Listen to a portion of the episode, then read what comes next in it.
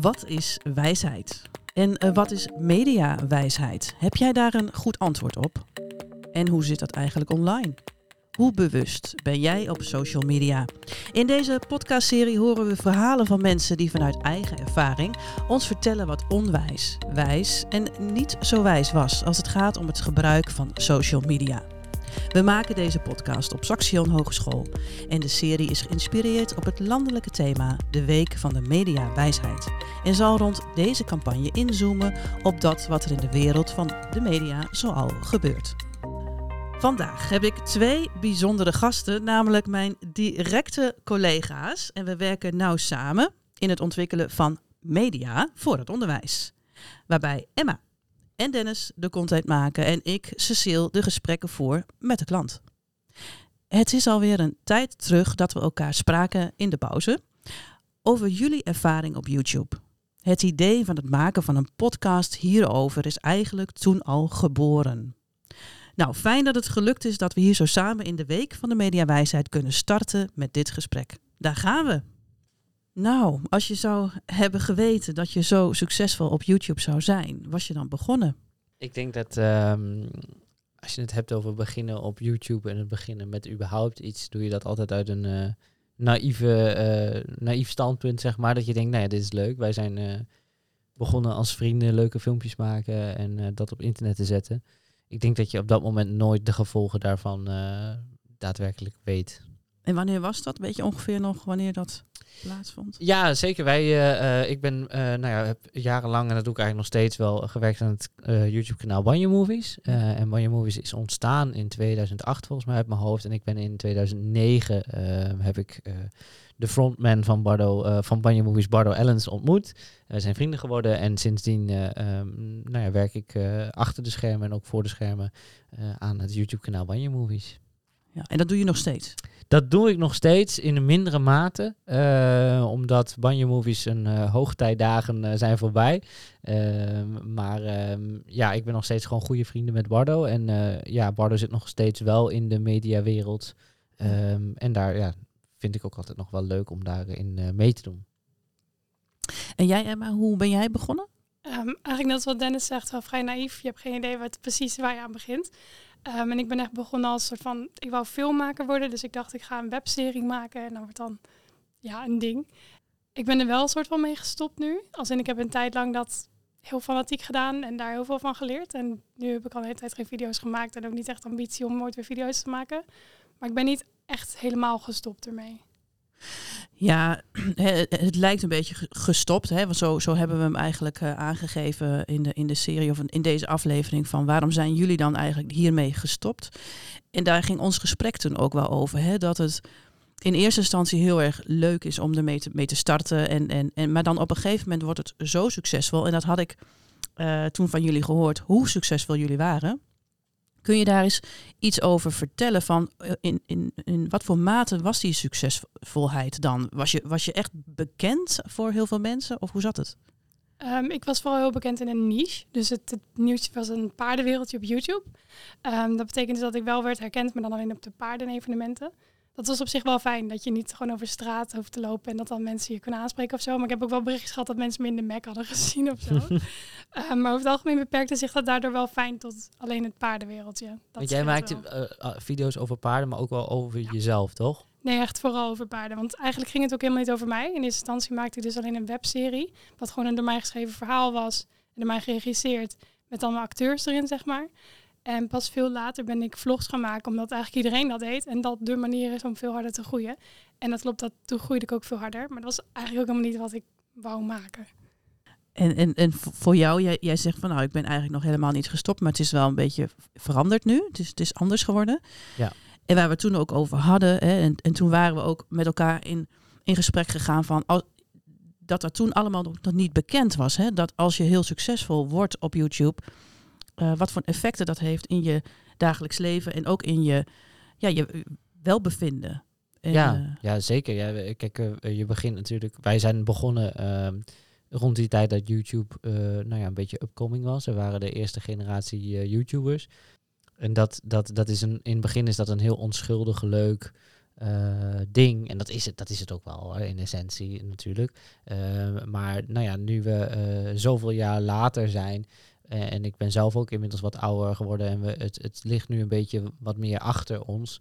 Dan kun je ook terugkijken op die periode. En ehm, nou ja, zien dat het ook wel inderdaad nou ja, soms negatieve kanten heeft. En eh, dat het best wel bijzonder is allemaal hoe het, eh, hoe het gaat. De, de nieuwe generatie wil heel graag YouTuber worden. Dat, en dat, dat, dat werden wij zonder dat we dat per se wilden. En dat we snapten wat dat allemaal ehm, inhield. Ja, jullie zaten eigenlijk op de eerste golf, als ik dat zo eh Ja. beluister. Ja, Ja. ja. daar staan we ook nog steeds eh, gelukkig bekend om. Dat is wel heel fijn. Ja, Ja. leuk om te horen.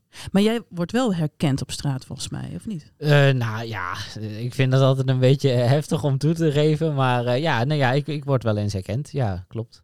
Ja. En, en vind je dat gemakkelijk of vind je dat eigenlijk stiekem wel heel erg leuk? Stiekem vind je dat altijd leuk. Want Ja. eh, ik denk dat geen mens kan zeggen dat het, dat het niet leuk is, want het streelt je ego. Ehm, dus ja, tuurlijk, dat is altijd leuk. En eh, wel, wel, het blijft voor mij nog steeds onwennig. Ehm, het, in, in sommige gevallen zet je een soort van masker op en eh, ga je in een soort rol zitten. Soms is het een hele leuke interactie met een persoon die echt oprecht eh, nou ja, jou tof vindt en daar ook wel wat over kan vertellen en dat een beetje kan beargumenteren. Maar ja, je wordt ook wel eens nageroepen eh, op straat en dat is, dat is ja, minder leuk, niet zo leuk. En ook wel hele negatieve momenten gehad hoor. Van echt nare mensen die, eh, ja, waar je niet meer vanaf kan. Waar je dan niet vanaf kan. En, en, en, ja, zat je daar dan ook mee? Of, of eh, merkte je aan jezelf dat je je daardoor ook anders ging gedragen? Ja, je wordt wel een beetje eh, paranoïde ervan. Ehm, ik daar iets minder van, maar go- goed, eh, nou ja, de, de, die vriend van mij waar ik dat samen mee deed, Bardo, die was natuurlijk ook veel bekender dan ik zelf. En ik kwam zelf niet zo heel veel voor de camera. Ehm, maar ja, je, je merkt dat bij alle bekende mensen. Dus je wordt er ontzettend paranoïde van. Omdat je altijd het idee hebt dat mensen wat van je willen. Ehm, en dat, eh, het begint allemaal heel leuk en onschuldig. Maar op het moment dat het best grote get- getallen gaat aannemen, dan kan het wel ja, vervelende situaties veroorzaken. Dus je bent eigenlijk al een beetje gefilterd aan het leven, lijkt me zo. Hè? Dus dat je je gedrag meteen al bekijkt vanuit je eh, volgers. Ja, klopt. Want je gaat je aanpassen op eh, je reactie, ga je daarop aanpassen. Ja. Dus ja, ik weet niet of normale mensen het, of normale mensen, maar mensen die niet bekend zijn, eh, ja, als iemand jou even aanspreekt, dan denk je, goh, wat, wat, nou, wat, ja, moet, je- wil je iets van mij? Kan ik je helpen? Maar als je dat bij een bekend persoon, dan schiet diegene direct in, in een soort verdedigingsmodus van, ho, ho, ho, oppassen. Dus je kunt eigenlijk niet meer zo open reageren naar nieuwe mensen die je op straat tegenkomt. Nee, goeie. Ja, je Ja. bent inderdaad een stuk Ja. minder open. Je, je, je Ja. vult al direct in dat iemand iets van je wil en dat dat niet goed is. En dan, eh, ja. Ja. Dat is best wel heftig eigenlijk als ik dat zo hoor. En voor jou, Emma, hoe is dat voor jou gegaan? Dat is bij mij natuurlijk nooit zo geweest dat het op straat ook heel erg speelde. Ik heb wel gehad dat ik mensen zag praten en naar me kijken. Dat ik denk, hmm, volgens mij herkennen ze me. En dan voel je wel, dat vind ik eigenlijk nog ongemakkelijker dan dat ze je aanspreken. Want je denkt, wat, ja, wat wil je nou, waarom sta je daar dan voel je je een beetje alsof je in de dierentuin Ja, precies. Een beetje zit. naar me kijken. Ja. Ik wil wel gezien dat mensen foto's maakten. Dat vind ik ook heel erg. Dat ik, als je een foto wil, kom vragen. Ik wil best een beetje op de foto, maar ga niet een foto van me maken. Dat is raar. Maar op paardenevenementen, ja, dan weet je dat je herkend wordt. En dan ben ik er ook op ingesteld op zo'n dag. En dan vind ik het ook hartstikke leuk. Het zijn ook altijd jonge meiden over het algemeen die gewoon heel enthousiast zijn. En dat is niet vervelend, vind ik. Dus het precies. kind ergens wat ik heb gehad, is misschien ouders die vonden dat hun kind ergens recht op had of zo. Dat, dat vind ik echt heel Ja, irritant. Maar- ouders zijn echt verschrikkelijk. Ja, Het is waar. Oh echt. ja? Ja. ja. Oh, zeker op evenementen of zo. Wij, wij, wij gingen natuurlijk ieder jaar naar de, de Dutch YouTube Gathering. En, en daar, ja, oh man. Eh, als je, kijk, tuurlijk, ik snap wel, je komt met je kind naar zo'n evenement en je denkt dan, nou, mijn kind is fan van wie, wie, whatever, eh, van Emma, eh, van, eh, van Dennis, van Enzo Mhm. Knol. En dat kind wil dan een handtekening en dat is dan heel belangrijk voor dat kind. En er zijn ouders die, die, die, ja, die gaan daar door het vuur voor, voor hun kinderen. En die, die eisen gewoon van, van mensen van... Je gaat mijn kind nu een, een foto geven en een handtekening. Want dat is jouw, jouw taak. Dat moet jij. Dat ben jij. Dat, dat, dat ben jij. Zo van, je hebt ervoor gekozen om succesvol te worden op YouTube. Dus En ze vergeten bijna dat het een mens is, zeg maar. Het is meer zo van, ja, dit is toch je baan? Waarom doe je zo moeilijk? Dit, dit hoort erbij. En eh, vergeten dan dat daar een persoon achter zit. En vaak ook een jong persoon die nog niet helemaal niet per se goed weet hoe en wat. nee, precies. Je wordt echt wel inderdaad een dierentuin een beetje behandeld. Ja. ja. moet ik wel zeggen, ik was echt niet een van de populaire YouTubers. Dus als er echt een YouTube-evenement was, dus eentje met alleen maar paarden-YouTubers, dan had je echt enorme rijen voor sommigen staan. Die had ik gelukkig niet. Ik heb echt zoiets van als ik daar zou moeten staan, dat, wat, dat is echt verschrikkelijk. Want op een gegeven moment ben je gewoon helemaal moe en het zat. Maar je wil dat ook niet uitstralen aan je fans, want dan krijgen zij weer het gevoel van ja, ze deed helemaal niet aardig tegen me. Terwijl je dat, dat is het probleem niet. Je hebt gewoon honderdduizend mensen die uh, Ja. hallo tegen moet zeggen. En daar ben ik gelukkig nooit gekomen. Voor mij is het altijd gewoon wel leuk geweest, omdat het niet zo extreem veel werd. Het is ook een soort schuldgevoel wat je dan hebt. Hè? Want je, je ziet dan zo'n rij voor je, voor je meet and greet staan. En dan is het soms een lange rij. En dan heb je ook zoiets van, ja, ik wil ook voor degene die achterin staat ook een leuke ervaring hebben. Want je hoort ook wel eens fans zeggen van, nou, eh, vond het maar wel een beetje stom. Of eh, het was helemaal niet wat ik ervan had verwacht. Nou ja, spoiler alert, dat is het 9 van de 10 keer niet. Eh, maar dan voel je je ook een soort schuldig van, oh shit, ik heb niet, niet kunnen geven wat diegene graag wil. Ehm, en ja, zeker als je wat, wat minder aantallen hebt, dan wordt het wel eh, wat persoonlijker. Dus dan wil je ook graag iedere persoon, nou ja, een ervaring meegeven of zo. Of een stukje van jezelf misschien zelfs wel. Ja.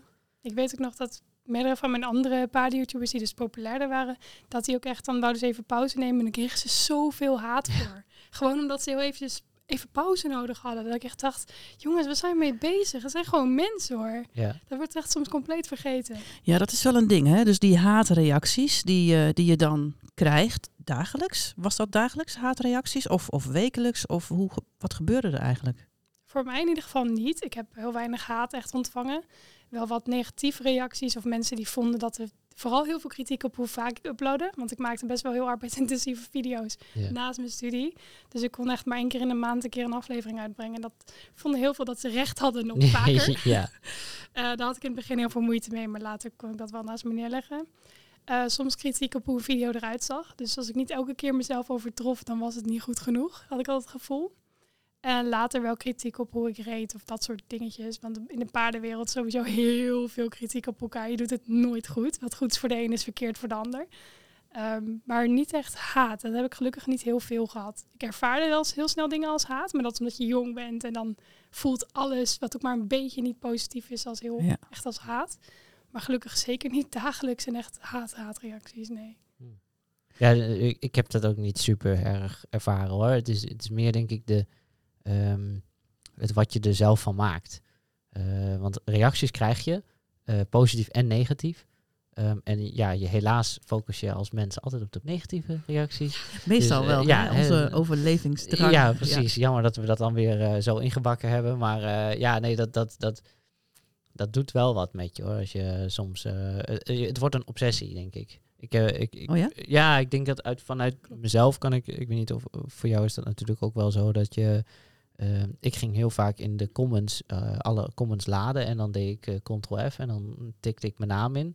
En dan even kijken wat mensen dan, of iemand mijn naam bij naam noemde. Of, eh, nou ja, ik, ik zit zelf in een rolstoel.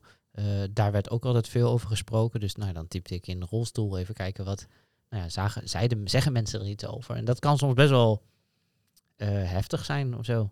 Dus je moest echt eh, de zoekfunctie gebruiken om, eh, omdat er zoveel commentaren waren op jullie video's, dat je even snel een filter eh, pakte. Om Ja, maar het, het grappige is dat je dat dus zelf doet. Ja. Je gaat er zelf naar op zoek. En dat is zo stom, want Ja. je wil het helemaal niet eh, horen eigenlijk. Maar je gaat er toch naar op zoek. Maar je bent toch nieuwsgierig. Het is ook, ik denk ook een beetje controle. Je wil weten wat er gezegd wordt over Ja. je. Je wil zeker weten dat je alles weet in ieder geval, terwijl dat helemaal niet helpt. Maar dat gevoel heb je wel, ja. ja. Dus ook in dat elk kleine dingetje wat gezegd werd, ging ik helemaal overdenken dat iemand mij dan dus blijkbaar haat of iets heel erg vond. Terwijl voor hen was het gewoon even, nou, dat vond ik een minder leuke video. Dat was het. ja, En voor mij was het einde van de wereld. ja. En dat je, is zo je bent ook altijd op zoek naar verbeterpunten. Dus Ja. dan, sommige mensen kunnen dat heel leuk verwoorden, maar je moet helaas wel een beetje door de bagger heen spitten om ook wel verbeterpunten te vinden. Dus soms, ja, alhoewel, Ja. ik moet zeggen, ik weet niet of dat met jou is, maar ik vond de, de meest onderbouwde haatreacties, die waren het ergst. Oh man. Die echt Ja. mensen die de tijd namen om goed uit te leggen waarom jij kut was. Ja, Oh, die, oef. ja. Het heeft echt pijn. Ja. Ja. Mensen kunnen heel goed je compleet afbranden zonder dat ze waarschijnlijk dat alleen maar goed bedoelen. Zo van, ik geef eens even goede feedback. Maar dat doet zozeer. En wat, wat je ook tenminste wat ik heel erg van heb geleerd, is ook, je moet ook daar gewoon denken, ja, is leuk. Maar ik doe dit gewoon gratis en voor mijn lol voor Ja. jou. En jij bent helemaal entitled to nothing. Dus je moet echt leren daarmee om te gaan. Ja, nou, ik denk dat het voor iedereen eh, heel moeilijk is om dit soort reacties te krijgen en daarmee te dealen. Hè? Want eh, ja, we hebben ook allemaal een innerlijke criticus. Dus ja, Ja. da- daar, daar vechten we ook wel eh, heel vaak mee. Ja. En dan komt eh, de mening van buiten. En als die dan ook nog eens een keer matcht, Precies. nou, dan heb je een probleem. Precies. Als, die, Ja. als mensen je, die innerlijke Ja, ja. criticus kunnen aanspreken, dan ga je kapot. Zeker. Ah, dat doet echt, ja, die doet Ja, en wat, wat is dan wijsheid? Hè? Wat hebben jullie gedaan als het gaat om dealen met dit soort dingen? Ben je met mensen gaan praten of hoe heb je dat gedaan? Eh, mijn ouders hadden daar heel duidelijke mening over dat ik me er niks van aan moest trekken wat mensen online zeiden. Maar dat is makkelijker gezegd dan gedaan. Dus dat kan je heel veel zeggen tegen iemand, maar dat voel je nog niet. Ik denk gewoon oprecht ouder worden, wat meer perspectief hebben. Ja, En ook op een gegeven moment kiezen van wie je de feedback aanneemt. Als je, Ja. als je wat meer mensen kent die kennis hebben van zaken, als die je feedback geven, dan neem ik het serieus. En als er dus een wildvreemde op het internet is, dan probeer ik dat niet meer te doen. Ik kan niet zeggen dat helemaal niks meer doet. Als je zo'n reactie krijgt, blijf je daar alsnog wel aan denken. Maar ik probeer het wel, ik kan wel veel beter het uit mijn hoofd zetten dan ik toen kon. Dat zeker. Ja, je hebt dan nog geluk dat je, dat je dan ouders hebt die daar je nog in kunnen begeleiden en ook Ja. snappen wat jij aan het doen bent. En, en, en daar ook een soort van modus in kunnen vinden om dat dan ook op dat niveau. Want je, je ik, tenminste, wij waren, ja, jij was ook jong en Ja. we waren ook in die begintijd. Toen was het nog helemaal niet zo bekend dat dit, dat dit een ding was. Nee, Dus precies. Nee. Niemand bereidt je er ook op voor. Nee. En je moet dat een beetje zelf bedenken. En ik denk dat veel van die eerste generatie YouTubers ook, en ik merk dat heel erg aan, aan Bardo, eh, hij heeft daar echt last van gehad. Hij heeft Ja. echt wel een, een bepaalde ontwikkeling doorgemaakt die niet heel positief is voor, nou ja, voor, zijn eigen, voor zijn eigen ontwikkeling, zeg maar, voor wie die is geworden. En dat heeft hij ook wel, nou ja, door middel van nou ja, therapie en eh, Ja. allerlei dingen wel achter zich moeten laten. Ja. Want het is, ik denk dat het op, zeker op zo'n jonge leeftijd onmogelijk is om er bijna goed mee om te gaan. Ik denk dat dat echt, eh, dat, het, dat het niet Kan kan. gewoon niet. Nee, Nee. precies. Kun je nagaan hoe de generaties die nu op TikTok en alles zetten, hoeveel haat die krijgen. Dat is misschien nog wel keer tien wat wij kregen. Ja, want, want hoe kijken jullie daar eigenlijk nu naar? Hè? Met de bril van, van nou, jullie eigen ervaring naar de jeugd die nu aan het opgroeien is. Maken jullie je zorgen? Ik wel. Ja, ik ook wel. Ja, het echt zorgwekkend, ja. Het wordt ook zo normaal gevonden dat iedereen altijd overal 100% alles deelt en overal online in is. Dat is ook iedereen overal een mening over heeft. Ja, dat vormt je echt heel erg, zeker als je nog zo jong bent. Dus Ja, en het is ook die entitlement weer. Hè? Wat, je, wat we net ook al zeiden. Dat we, we zagen het toen al dat mensen gingen zeggen van... Oh, je moet wel één keer in de week uploaden, want dat heb je gezegd. Weet je wel. Ja, god op, eh, het is mijn leven. Ja. Maar nu eh, lijkt het alsof iedereen dat elkaar ook kwalijk neemt. Van, eh, je, je moet nu actief zijn op Snapchat. Je moet nu plaatsen, want anders ben je een- geen, geen, geen jongere. Dan ben je Ja. geen persoon. Dan, Hoor je er dan, niet bij. Aha. nee, Of je populair genoeg bent of niet, hangt nu af van of je net op Snapchat of op TikTok. Precies, en dat, dat is dan denk ik nog zelfs de volgende stap. Want eh, hè, in eerste instantie moet je dus als jongere plaatsen, want anders hoor je er niet bij. En dan gaan we ook nog kijken naar hoeveel likes je fixt Ja. en hoeveel Ja. reacties. En dan gaan we je ook meten aan, aan dat niveau. Dus ja, het, Ja. het houdt niet op. Nee, die mensen dus eigenlijk de hele tijd bezig zijn met je telefoon en bezig zijn met wat ga ik plaatsen. Ja, iedereen heeft eigenlijk nu een eigen YouTube-kanaal of zo. Ja, iedereen ja, dat is eigenlijk wel. bezig met zijn eigen brand. Ja, klopt. Met jezelf op een bepaalde manier presenteren online. Nou, ik vond het al moeilijk genoeg om me te presenteren op school. ja. ja, precies. Nou ja, dat gebeurt natuurlijk nu ook wel veel online, denk ik. Dat, Ja. Dus we staan eigenlijk eh, helemaal niet meer uit. Nee, Hè? Dus we, we, Nee, zijn eigenlijk punt. alleen maar bezig met jezelf presenteren online. Ja, ja, want eer- Ja. eerder was het natuurlijk, ja, je kwam eh, uit school en dan was het, nou ja, ah, ja. klaar. weet dat je wel. idee, En hè? dat, ja, nu denk ik dat het, het online, nou ja, pestgedrag noem ik het even, hè, maar dat dat online alleen maar doorgaat juist. Ook juist misschien op het moment dat je thuis komt. Want dan is die echte wereld niet meer... eh, Zeker met dat mobieltjes nu verbannen gaan worden op scholen. En dan begint het waarschijnlijk pas na school. Dat lijkt me oh echt, ja, eh, dat zou helemaal heftig zijn. Ja. Willen ze dat doen, ja? Ja, dat is nu vanaf Is, eh, 2024 eh, verboden straks in de klas. In de klas? Ja, zo In de klas. Oh, oké. Ja, de Ja. pauze zal er nog wel. Ja, ik wou gebeuren, zeggen dan. maar- eh, ja. Maar is dat ne- negatief of positief? Hoe kijken jullie daar tegen? Ook wel positief hoor. Ja? Maar ik bedoel, ik ben daar heel blij mee. Dat is denk ik iets heel goeds. Want het, het gaat je concentratie niet ten goede als een telefoon ligt. En ook nog eens de verwachting van je klasgenoten is dat Mhm. je daar altijd op bezig bent. Dus dan kunnen kinderen in ieder geval dat aan de kant leggen en gewoon met de les bezig zijn zonder daar iets van druk te voelen voor een telefoon, want dat kan gewoon niet. Maar alles eromheen is de cultuur nog steeds heel erg ingesteld op dat ze wel op een telefoon moeten zijn en online moeten zijn. Ja, precies. Ik denk ook daar, ik snap, ik, ik ben het wel met je eens. Alleen ik denk wel dat juist daardoor het alleen maar erger wordt. Doordat je het gaat verbieden, ehm, wordt het ook een soort van, oh ja, dat mag niet. En dan, en dan zodra het weer mag, is het dan dubbel. Weet je, Ja. dat je denkt, ja, tenminste, ik vind persoonlijk dat je goed moet om kunnen gaan met een telefoon.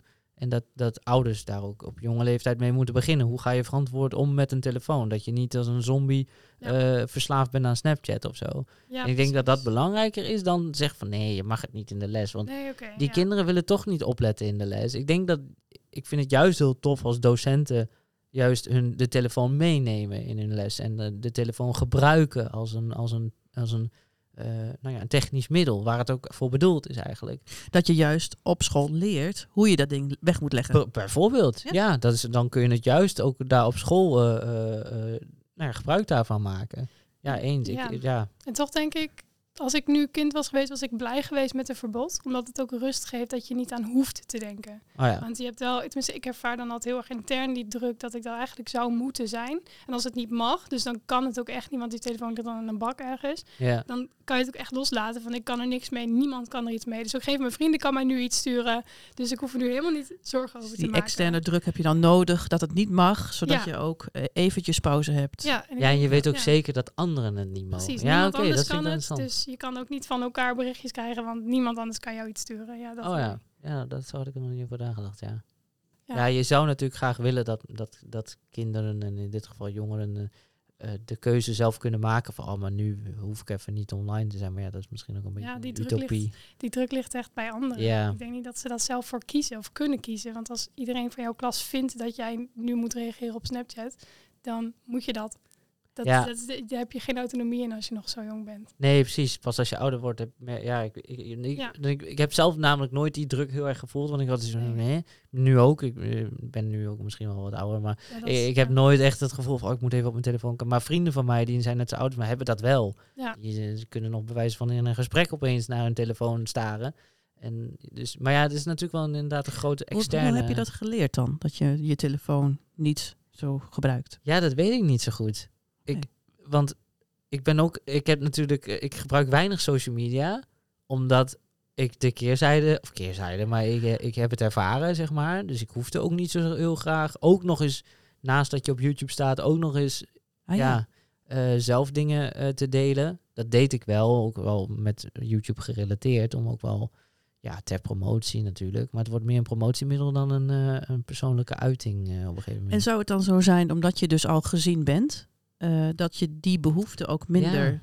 voelt of zo? Want we willen allemaal wel gezien worden. Zou dat erachter liggen? Ik denk persoonlijk wel dat, en dat was eigenlijk die eerste vraag die ik ook stelde, van zou je het hebben gedaan als je wist wat de uitkomst was? Ik denk als ik het niet had gedaan, dat ik niet had geweten wat de echte consequenties zijn van, tussen aanhalingstekens, bekend zijn. Mhm. En dus ook nooit had begrepen waarom ik het niet wil. Want voor mij is het echt een leerweg geweest van dit is niet iets wat ik wil Ja, in de toekomst. En daardoor inderdaad ook makkelijker afstand van kan nemen. Ik denk, ja, ik, ik hoef het niet. Ik hoef dat niet na te streven om bekend te worden op Instagram of zo. Nee, dat is ook zo stom dat je dat de jeugd nu ook echt niet kan vertellen. Nee, Dat je zegt van ja, maar heb je wel nagedacht over? Nee, dat, dat kan je niet Nee. eens begrijpen. Dat het lukt dan niet, hè? Maar Ik zag dat laatst nog iemand een quote eh, van geven. Die zei van je, je weet pas hoe het is om bekend te zijn op het moment dat je bekend is. En dat klinkt heel logisch, maar dat, daar zit zo'n diepe kern van waarheid in. Je kunt het simpelweg niet voorstellen wat het van impact heeft op je leven. En ik heb dan zeg maar, wat ik zelf wel heel dankbaar voor ben, is dat ik het heel mild heb ervaren. Want ik was dus bekend in een niche en ook niet heel bekend. Ik heb nu iets van 21.000 abonnees of zo. Nou, dat is nu voor TikTok getallen dat niets. Ja, dat eh, mensen hebben echt miljoenen volgers, zeg maar. En daardoor heb ik het heel erg kunnen ervaren in een soort beschermd bubbeltje. En het is ook nu over. Als in, volgens mij word ik helemaal niet meer herkend. En dat is fijn. Dus ik kan het ook achter me laten. Maar kun je je voorstellen dat je zo bekend wordt door iets of door een dumpert video of zo, dat je echt nooit meer rust ervan hebt. Dat lijkt me echt verschrikkelijk. Dus ik heb dat gelukkig zo kunnen ervaren en nu kan ik het weer loslaten. En nu met de opkomst van TikTok. eh, kijk, ik ben niet meer zo bekend. Maar eh, af en toe gaat er nog wel eens een TikTokje viral van een sketch of een ding van vroeger wat ik heb gemaakt. En dan word ik weer eh, dan ben ik weer top of mind opeens. Aha. En ik denk dat dat wel ook wel een mooi voorbeeld is van ja, het staat voor eeuwig altijd online. En zeker als je bepaald succes hebt gehad, ehm, blijft het altijd wel eh, waarde hebben of zo online. Ja. Omdat het een grappig filmpje is of eh, whatever. Of Het een- laat dus heel duidelijk de sporen na. Hè? Dus Ja. iedereen laat sporen na en wat hij doet. Ja. Maar hier lijkt het wel zo vastgelegd in Ja. tijd. En ineens kan het weer opduiken en kan er weer van alles gebeuren. Dan had ik dus ook laatst met een comment van twee maanden geleden, geloof ik, zag ik ineens dat er een reactie was geplaatst onder een video met iemand die zei: Dit was echt mijn jeugd. ja, Dat is zo grappig. En Ja. mensen die dan nostalgisch terug gaan kijken op die serie. En het, het leuke vind ik dan weer dan dat ik een webserie niet vlogs of zo heb gemaakt. En jij hebt dan sketches gemaakt. Ja. Dat zijn tijdloze dingen. ja, Maar precies. ook al is het wel gedateerd qua camera en dat soort dingen. Maar het is in principe iets wat je over tien jaar weer kan kijken. Zeg, Ja. oh ja, leuk. Dat was grappig. Ja, zeker. En het is ook wel zo dat je... ehm, eh, je hebt er geen controle over. Dat vind ik voornamelijk het, het, het spannende daaraan. Ehm, eh, het staat online, mensen kunnen er gewoon bij. Mensen kunnen het gewoon downloaden, rippen, whatever, hoe ze dat doen. En dan eh, weer online zetten. En zeker op een, TikTok, of een platform als TikTok... eh, heb je er niet altijd zelf controle over hoe zich dat verspreidt. Je bent het kwijt. Ja, hè? precies. En Ja, eh, kijk, zeker met comedy wat wij hebben gemaakt, is de context ook altijd heel belangrijk. En ik was natuurlijk ook wel jong en onbezonnen. En ik heb echt, nou ja, wel typetjes gespeeld of whatever. Oh, nou, dat is misschien een, een bijzonder voorbeeld. Want kijk, wij hadden best wel edgy humor af en toe. Als ik kijk naar wat wij vroeger maakten aan grappen en zo. Nou ja, dat kom je volgens mij tegenwoordig. Word je dan ziek gecanceld. Eh, dus ja, het zou ook maar zo gevolgen kunnen hebben of zo. Dat ik misschien, eh, ik, weet, ik weet niet, misschien... Je zou bij wijze van spreken nu nog gecanceld kunnen worden met iets wat je 15 jaar geleden gezegd hebt. Precies, precies. En ik hoop dat ik dat niet, eh, niet, niet iets heb gezegd wat zodanig erg is dat het... ging- Nou ja, misschien denk ik wel eigenlijk dat Ja, dat ja maar daarom zeg je, is. wat je zegt is ook belangrijk, de context. Als je inderdaad geen context hebt en je zegt dan zo'n opmerking, dan klinkt het misschien alsof je iets vet racistisch of zo zegt. Terwijl Precies. Het hele punt was dat je iets speelde wat heel racistisch was waarschijnlijk. Want dat is de grap van Ja. de video, dat dat niet kan. Ja, ja, Als je precies. dat de context mist, inderdaad, de mensen die jou niet meer kennen, omdat het dus lang geleden was. Precies, en eh, misschien is het wel een audiofragment. Dan zie je mijn gezicht er niet bij. Want Ja. mijn gezicht straalt een en al sarcasme uit, maar mijn stem die zegt iets bloedserieus. Ja, dat Ja. is wel lijp. Is gevaarlijk, ja. Ja, en sowieso hebben de komst van AI en alles wat er eh, nog, eh, nog gaat gebeuren, zitten we misschien hier nog wel heel erg in de, in de beginfase van, nou ja, misschien nog wel andere dingen waar je nu nog niet eens weet wat de ervaringen Ja. dan gaan zijn. Hè? Dus Ik denk dat de nieuwe generatie en wij allemaal echt wel voor een punt staan dat we flink om moeten denken. Dat onze hersenen moeten aanpassen. En, want het, het wordt echt lijp hoor. Het, het, het, het Ja. medialandschap. Ja, en Ja, daarom precies. is die, die mediawijsheid hè, ook heel belangrijk Ja. om steeds weer naar te gaan kijken van, wat is nu wijsheid? Ga ik dit wel zeggen of ga ik dit niet zeggen? Ja. ja, en voor jongeren is het ook niet altijd, want die zitten er middenin. Dus ik denk dat het ook wel goed is dat dit soort initiatieven, eh, dat we het daar samen over hebben. En dat het ook wel een soort van een beetje, nou ja, geforceerd wordt op scholen om studenten daarover na te denken. Want ja, je moet, je, het moet, het is wel echt belangrijk om te doen. Eh, het is niet alleen maar van, eh, oh nou Nee. heb je die boomers weer, die willen hebben, hebben dat het over eh, wijsheid hebben online. Ik bepaal het zelf. Ja, nee, ga er maar eens na. Het is ook goed om daar met je vrienden over te hebben. Van, joh, hoe, hoe doe jij dat? Hoe, Ja. hoe ervaar jij dat? Want het is, ja, het is wel heftig allemaal. Precies, en wat we net ook over hadden, we staan nog steeds online. Ehm, met die AI die erbij komt straks, dan kan je gewoon iemand kopiëren en de stem kopiëren. van Oh ja. iemand. En wij zijn natuurlijk heel lang geleden al begonnen met onszelf online te zetten. Oh Het is shit. heel makkelijk om nu zeg maar onze video's te rippen en dan. Je, kunt, ja, je kunt ons gewoon helemaal Ja, klonen. Precies, en dat besta je niet bij stil op het moment dat je dat online zet. Oh jee, bedankt de- voor dit inzicht, eh. Emma. Maar voor de toekomst, misschien wel mensen die dingen online zetten, besef je dat dat misschien ook gaat kunnen in de toekomst. Wil je dat? Ja, we hebben hele mooie, heftige dingen nu al gehoord van jullie. Maar er zijn natuurlijk ook hele mooie kanten van media. Ja. ja, dat moeten we niet vergeten natuurlijk. Nee. Nee, nee ondanks alles wa- wat we natuurlijk gezegd hebben over het bekend zijn en, en dingen online. Maar het is ook heel tof om dat te doen. En de jeugd, ik vind dat ook heel gaaf dat de jeugd nu... Iedereen is een creator opeens. Ieder, eh, de- ik vond, het was, vond ik wel grappig dat ik laatst trouwens was ik eh, bij een concert van Joost Klein. En er stond een, een jonge gast naast me. Ik voelde me sowieso super oud bij dat concert. Het was heel bijzonder.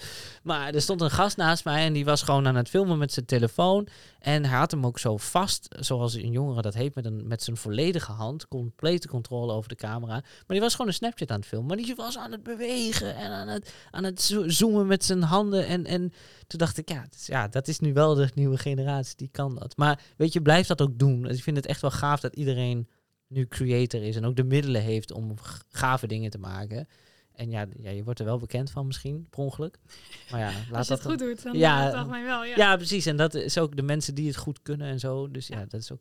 Blijf wel, blijf creëren, Ja. mensen. Blijf creëren. Ja, vergeet ook vooral niet waarom je creëert. Want ik ben oorspronkelijk dus begonnen met het voor een webserie te maken. Want dat was wat ik gewoon heel tof vond. En ik was zo trots op dat ik die eerste serie toen had gemaakt. Van wauw, ik heb gewoon een serie gemaakt. Ja, En de tweede en derde, dat, dat is iets waar je dan trots op mag zijn. Dat je iets hebt gemaakt wat jij heel leuk vond en zelf hebt bedacht. En dat mensen het ook nog eens leuk vinden om te kijken. Dat is gewoon tof. ik denk dat dat ook echt, het, dat hebben wij eh, als YouTubers ook. eh, iedereen heeft wel een fase gehad waarin die dacht, wat moet ik maken? Ik moet iets maken wat, ze, wat mensen tof vinden.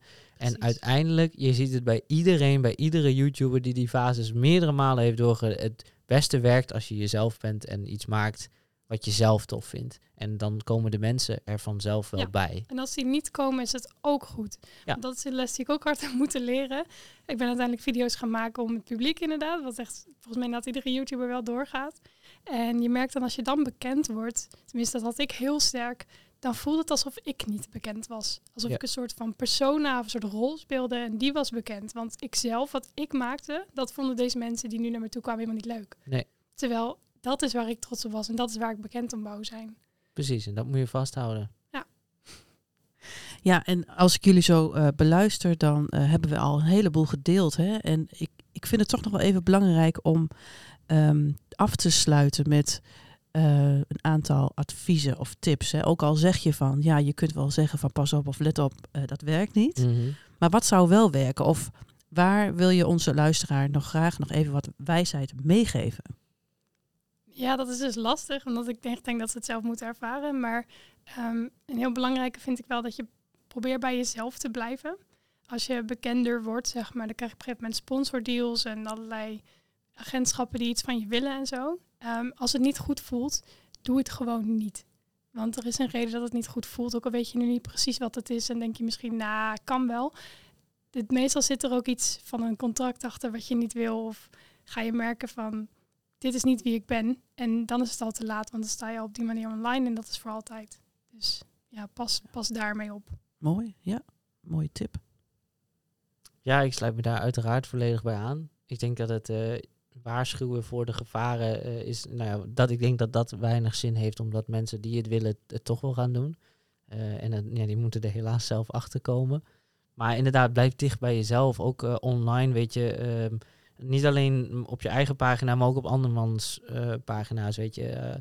Als je. Als je zelf denkt van, goh, dit zou ik op het schoolplein niet zeggen, waarom zeg je het dan wel online? Ehm, denk daar eens over na. Ja, want daar zit wel een enorm verschil in met wat mensen Ja. online durven en eh, offline. Ja, ja, ja. want, want eh, jij, eh, eh, toevallig hadden we van de week daar ook nog even over, hè, van wat een, een, een impact het kan hebben, wat er gebeurt. Eh, en toen vertelde je iets over aantallen en views en podium. Ja, nou ja, het, Ja. Is, het is heel grappig omdat mensen eh, online cijfers zijn zo eh, niet tastbaar. Eh, op het moment dat je het hebt, eh, wij, wij hadden, nou niet, niet om op te scheppen, maar wij hadden eh, honderdduizenden views. Dat is een absurd getal. Dat Ja. kun je niet eens snappen hoeveel dat is. En mensen kwamen dan naar ons toe en die zeiden, ja, ik heb maar duizend views. En dan hadden we wel zoiets van, ja, maar de- gooi duizend man maar eens in een, in een ruimte. En ga daar in het midden op een podium staan. En laat die mensen jou even op dat moment beoordelen. Ik weet nog wel iets grappigs, want toen ik net was begonnen met YouTube, dan had ik echt nog maar een paar abonnees, zeg maar, en een paar views op elke video. En toen had ik op een gegeven moment 100 abonnees gehaald. En ik weet nog dat ik me toen moest bedenken, ik heb op een basisschool gezeten waar maar 100 kinderen op Ja, zaten. precies. Dat ik dus dacht dat die hele basisschool en hoeveelheid mensen mij had geabonneerd. Ja, En dan heb je op dat moment nog best wel perspectief. En hoe meer je groeit, hoe minder je dat hebt. Dus op een gegeven moment inderdaad 1000 views. Dan baalde ik verschrikkelijk, want dat was te weinig. Het moest 10.000 zijn, anders dan, ja, dan groeide ik niet, zeg maar. Ja. Ja en, en moet je je dan ook voorstellen, dus als jij in die groep van duizend staat, fysiek, durf je dan nog steeds tegen diegene in het midden te zeggen van, oh, je haar zit stom. Of nou ja, dat is nog een milde variant. Hè? Ik bedoel, Ja. dat, dat durf je misschien nog wel. Maar hè, durf je de meest bizarre Mm. dingen te zeggen die jij eh, online wel Ja. zegt? Vergeet inderdaad gewoon niet dat het ook mensen zijn waar je tegen praat. Ja. Dat die comments ook gelezen worden, ook al reageren ze niet. Een heleboel mensen lezen hun comments. En het doet echt pijn. Ik eh, vind dat een, eigenlijk wel een hele mooie afsluiter. Van wees je bewust van wat je als commentaar geeft. Dank jullie wel voor, eh, voor dit open gesprek. En eh, ik vond het. eh, ik heb toch weer nieuwe dingen gehoord. Ja, ik, ik ook zelfs. Ja, vond het heel leuk. Dankjewel. Dit was een podcast van Saxion Video Unit. Heb jij ook een inspirerend verhaal wat verteld moet worden? Of wil je meepraten? Neem dan contact met ons op. Wil je meer weten over mediawijsheid? Ga dan naar weekvandemediawijsheid.nl.